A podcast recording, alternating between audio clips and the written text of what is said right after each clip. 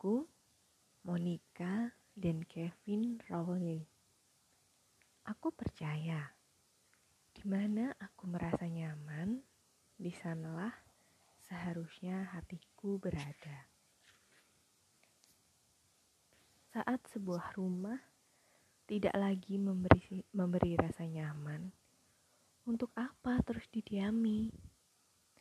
Meskipun tidak ada jaminan di luar sana akan lebih nyaman, tetapi setidaknya tersedia harapan. Itu sebuah jaminan. Aku dengar itu.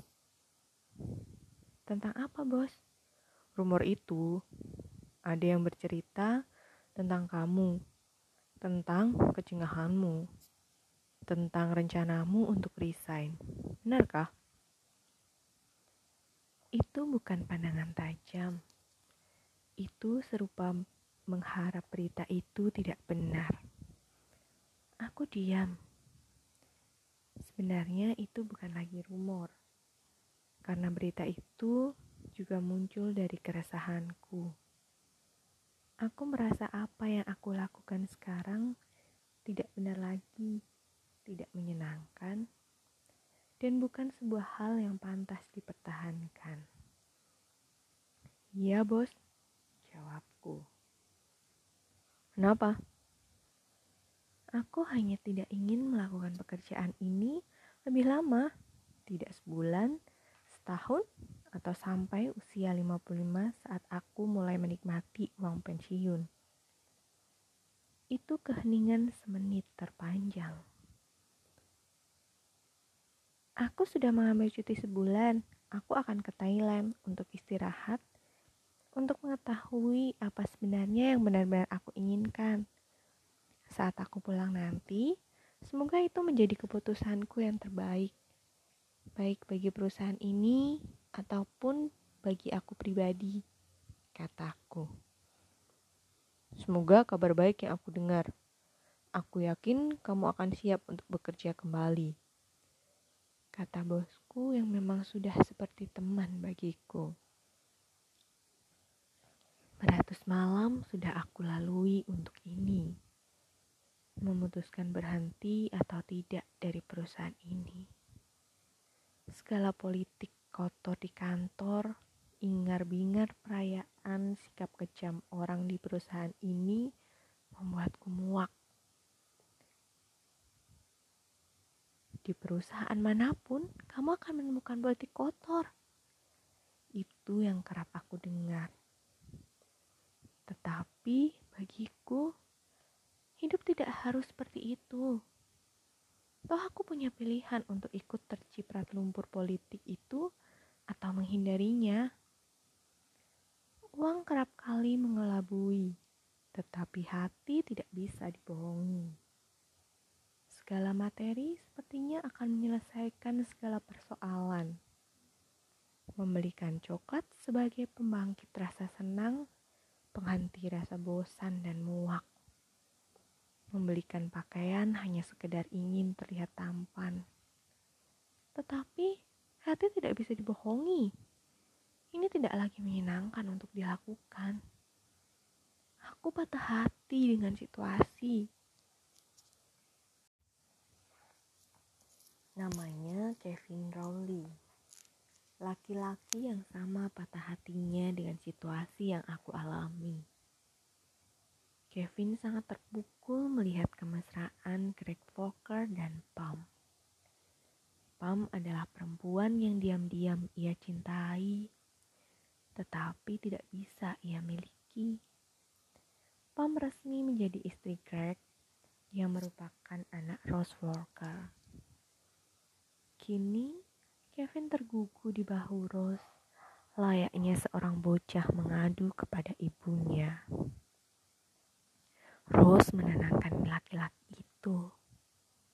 Perempuan ini tahu Pam adalah tempat Kevin pulang. Hidup Kevin rumit. Berlari ke belahan dunia lain tidak membawa Kevin ke mana-mana kecuali ke Pam. Rose menenangkan Kevin yang cemburu kepada anak laki-lakinya, Greg Fokker. Tetapi Greg lebih berhak atas Pam karena dia telah menikahi perempuan cantik itu dan dikaruniai dua anak kembar yang lucu. Tidak akan ada yang bisa memisahkan Greg dan Pam kecuali hukum negara. Kevin tidak lagi memiliki harapan. Baju gamis India yang menjadi atribut Kevin, keahlian pengobatan ala timur, maupun kalimat-kalimatnya tentang ajaran Buddha yang ia serap selama perjalanan spiritualnya ke belahan timur dunia tidak membantu apa pun. Kevin tidak pernah ke mana-mana. Kevin tetap hampa. Pam adalah perjalanan Kevin yang sebenarnya. Tidak ada yang bisa dibohongi tentang hal itu. Ada tato bergambar wajah Pam di punggung bawah Kevin. Rose tahu, Greg tahu, Pam tahu. Pun semua kerabat Kevin tahu tentang tato dan makna di balik itu. Rahasia tato itu sengaja terbongkar saat ujung gamis India warna putih yang dikenakan Kevin tersingkap. Namun, semua orang membiarkan Kevin berdalih soal alasan dibuatnya tato itu. Semua orang tidak memojokkannya saat dia berkata bohong bahwa dia salah memberikan foto Pam kepada pembuat tato yang seharusnya foto teman wanita lainnya yang sangat dia cintai. Faktanya, Pam adalah cinta mati Kevin. Itulah kebenaran yang semua orang sudah tahu. Karena ingin menjaga hati Kevin, semua tidak mempermasalahkannya kebohongan Kevin itu. Hati tidak bisa dibohongi. Sejauh apa pun kau berlari mengitari bumi. Pulang bukanlah berkelana ke mana-mana Pulang adalah menuju ke dalam hatimu, kata Rose. Kevin tergugu di pelukan Rose. Little Forker Bila sebuah film, Little Forker lah hidup Monica Wathauser. Tak jauh berbeda dengan Kevin Rowley. Merunut sebuah peta akan luasnya dunia untuk sebuah penerimaan atas kekalahan diri, pencarian sesuatu yang dia sendiri tidak tahu itu apa. Ini adalah perjalanan besar pertama gadis kulit putih berambut pendek itu. Dia merentang samudra, membelah dunia, terduduk di suatu pojok stasiun kereta api di Yogyakarta. Monica tidak sendiri karena sebongkah harap, sebongkah hati yang telah rapuh di sandangnya. Ia mengemas hati itu di tas punggungnya dengan dibalut busa rangkap lima saking rapuhnya. Busa rangkap lima sudah cukup membuat hatinya tidak terguncang dan pecah kala berada di bus yang melaju di jalan yang jelek. Jangan salahkan buruknya jalan di Indonesia. Salahkan kenapa patah hati dibawa pergi. Bila tidak cermat, hati itu akan pecah berantakan, berserakan entah di mana, dan butuh waktu lama untuk menyatukannya kembali. Bila itu tidak segera menyatu, maka berantakanlah pula hidupnya beribu mil jauhnya dari Jerman ke Indonesia. Bercengkrama dengan delusi bahwa perjalanan ini akan melegakannya meskipun tidak akan mampu mengembalikan sang kekasih. Monica, aku mengenalnya dari seorang teman. Dalam hitungan hari, kami sudah seperti travel mate yang telah mengenal satu sama lain cukup lama. Kutemani dia ke lereng Gunung Lawu, menjelajahi air terjun Grojogan Sewu, menyelami kemisteriusan dan erotika Candi Suko hingga bercengkerama di tengah kebun teh kemuning. Lain hari, kami menjelajah Candi Prambanan, tempat di mana akhirnya Monica membuka diri untuk apa perjalanan ini dia lakukan. Long story, kamu pasti tidak mau mendengarnya, kata Monica. Try me, sahutku. Gadis berambut pendek itu mengempaskan tubuhnya di sebuah batu candi. Aku pandangi matanya, semacam ada rasa jauh di sudut matanya. Sangat jauh karena dia sangat pandai menyembunyikannya. Monica selalu terlihat gembira, meskipun dia seorang gadis yang tidak terlalu banyak bicara. Tetapi bagiku, cukup mudah menebak bahwa dia sedang menyembunyikan sesuatu.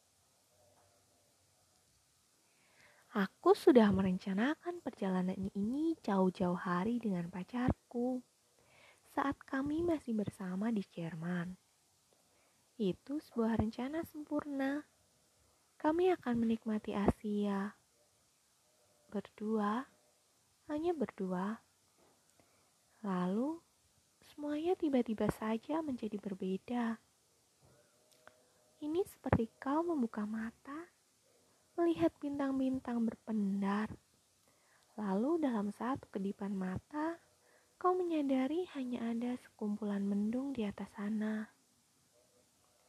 Monika bertutur lirih, nyaris berbisik. Kalian putus? Monika memandang ke arahku. Ada pedih di kedua bola matanya. Itulah jawaban atas pertanyaanku. Tetapi saking pedihnya, ia tetap harus menceritakan kepadaku demi sebuah kelegaan. Saat bercerita, kedua bola matanya serupa genangan air banjir di Jakarta. Kami putus sebelum perjalanan ini menjadi nyata.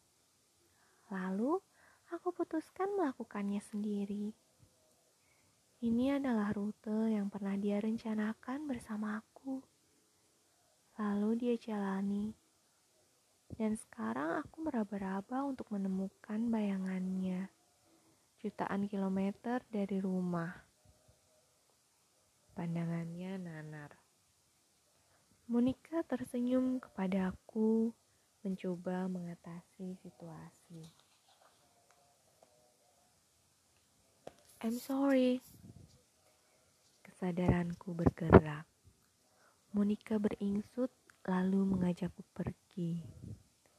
Mendung mengiringi kami keluar dari kompleks Candi Prambanan. Mendung sesungguhnya yang entah kenapa seperti sebuah kebetulan hadir saat cerita sedih dituturkan.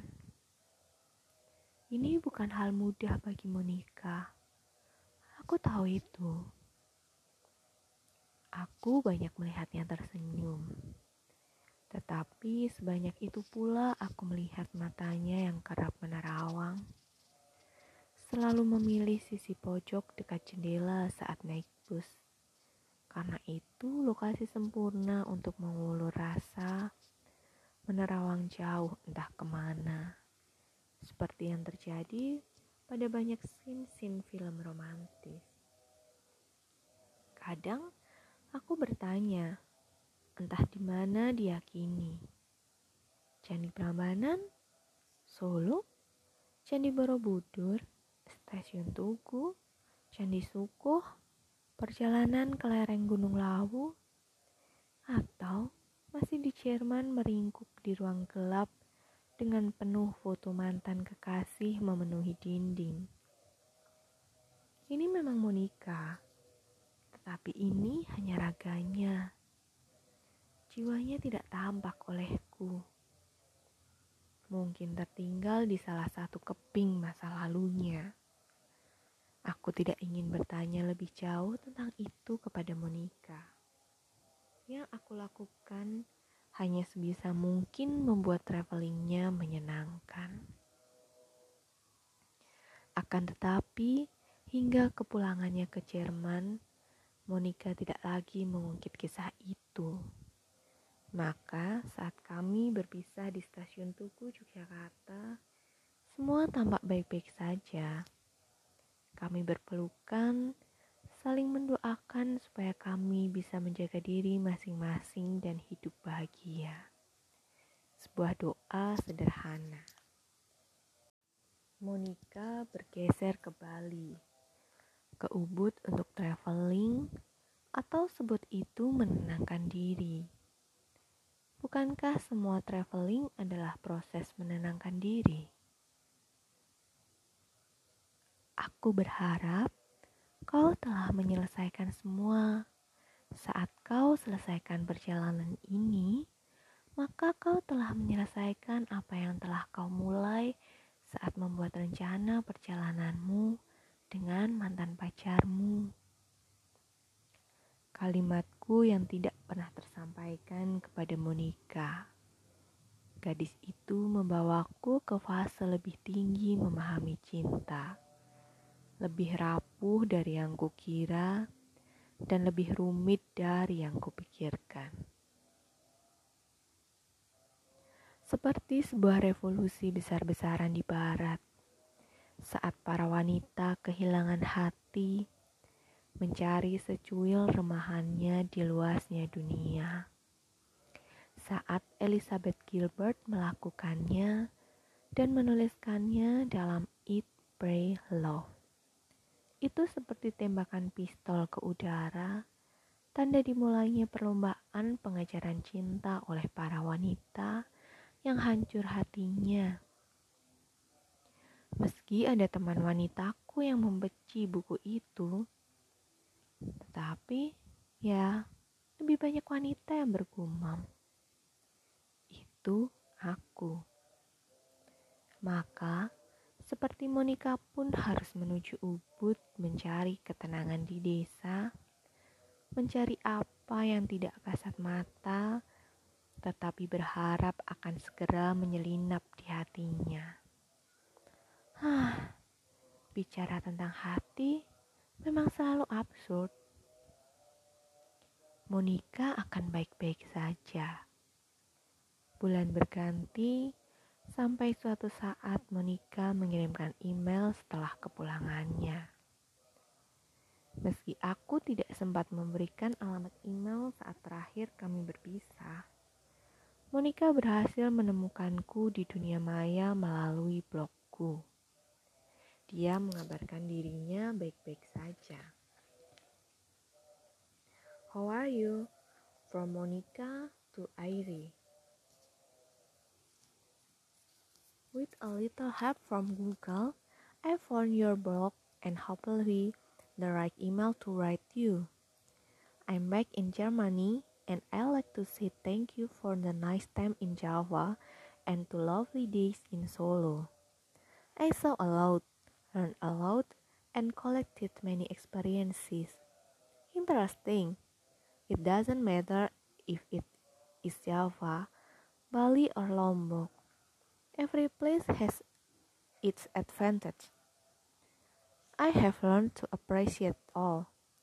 After my visit in Java, I stayed in Ubud for four nights. I saw many temples, the monkey forest, fruit plantation, batik factory again, and I did a trekking tour to the top of Mount Batur. Then I went to Gili Trawangan. But the Gili was more like a party island. I didn't like it. As you can see, I had an interesting time and many of these these things I've experienced experienced will stay with me for the rest of my life and make me richer. I wouldn't let the stress get at me. Let's see how long I can do it. Regard morning. Mataku terkunci di kalimat terakhir kurapal doa. I won't let the stress get at me. Let's see how long I can do it. Monica, Kevin, aku.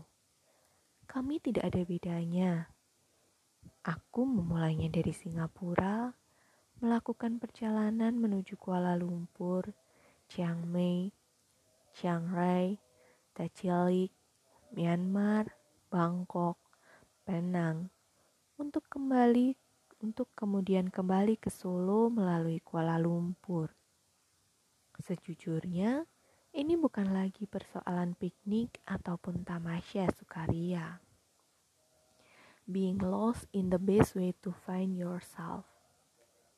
Aku menikmati setiap ketenangan untuk menjadi diri sendiri, melepaskan semua egoku tanpa ada yang menginterupsi. Aku tidak tahu apakah aku sedang merayakan kekalahanku saat memulai perjalanan ini.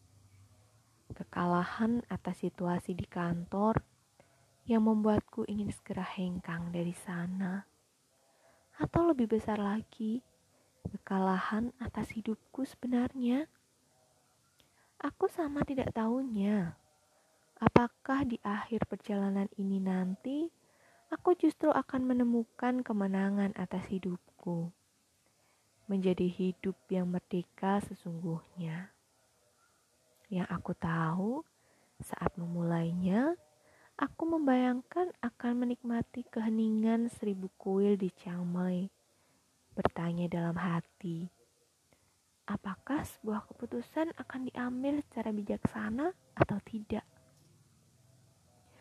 Hening mungkin akan membuatku mengerti apa yang aku butuhkan atau yang tidak aku butuhkan.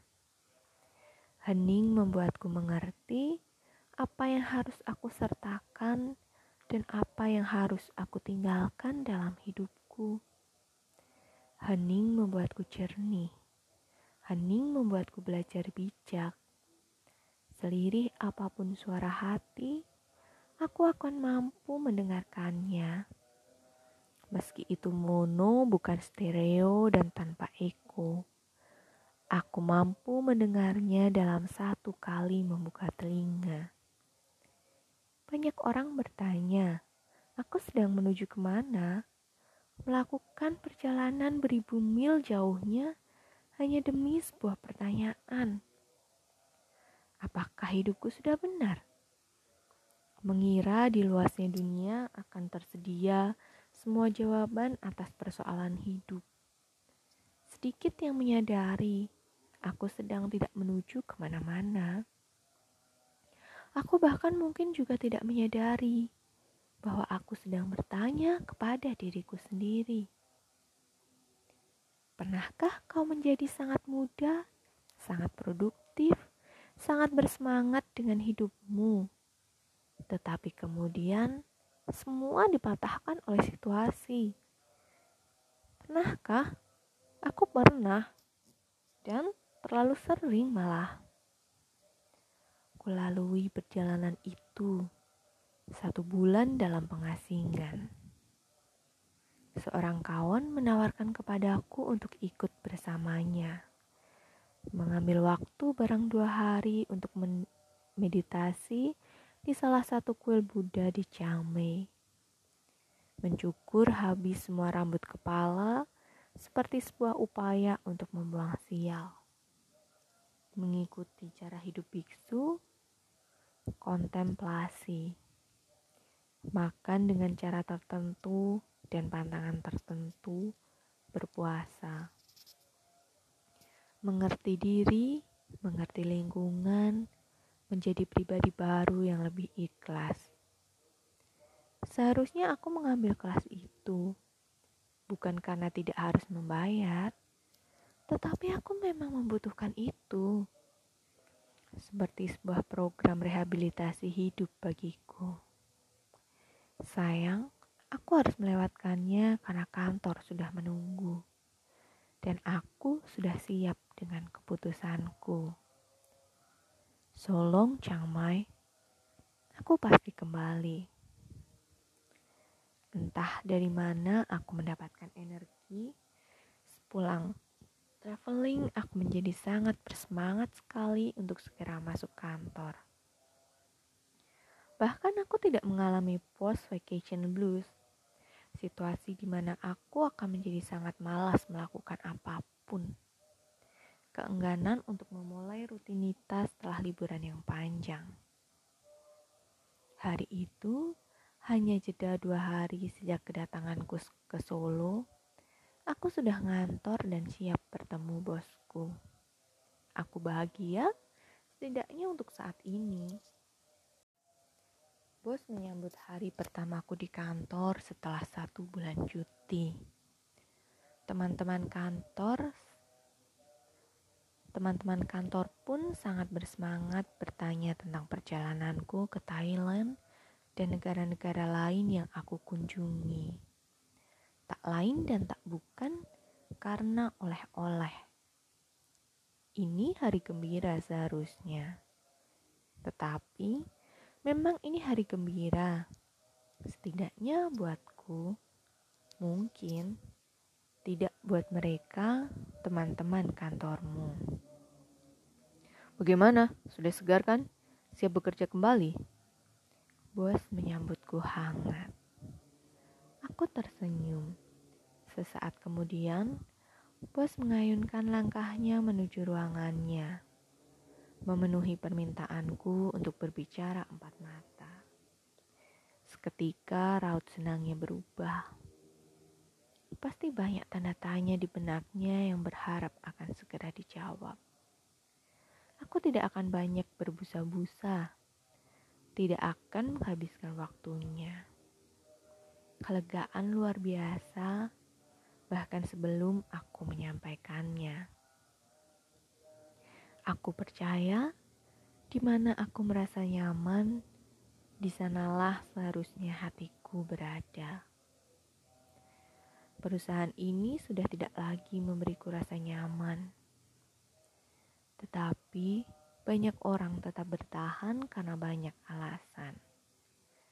Butuh uang adalah alasan utama yang bila dijelaskan lagi akan ada serentetan alasan lain bahwa mereka harus membayar cicilan rumah, menghidupi keluarga, status sosial, dan banyak alasan lainnya. Aku tidak menyalahkan mereka yang mau mengabdikan hidupnya untuk sebuah kantor, sekotor apa pun itu. Setiap orang punya alasan atas keputusan hidupnya. Dan aku juga memiliki alasan bila kemudian aku mengatakan kepada bosku, "Aku resign." Mataku menerawang menembus lorong putih yang berujung pada sebuah meja bulat kecil dengan aku, Monica Waldhauser, dan Kevin Rowley melingkar duduk di sekelilingnya. Kami sedang merayakan kemerdekaan.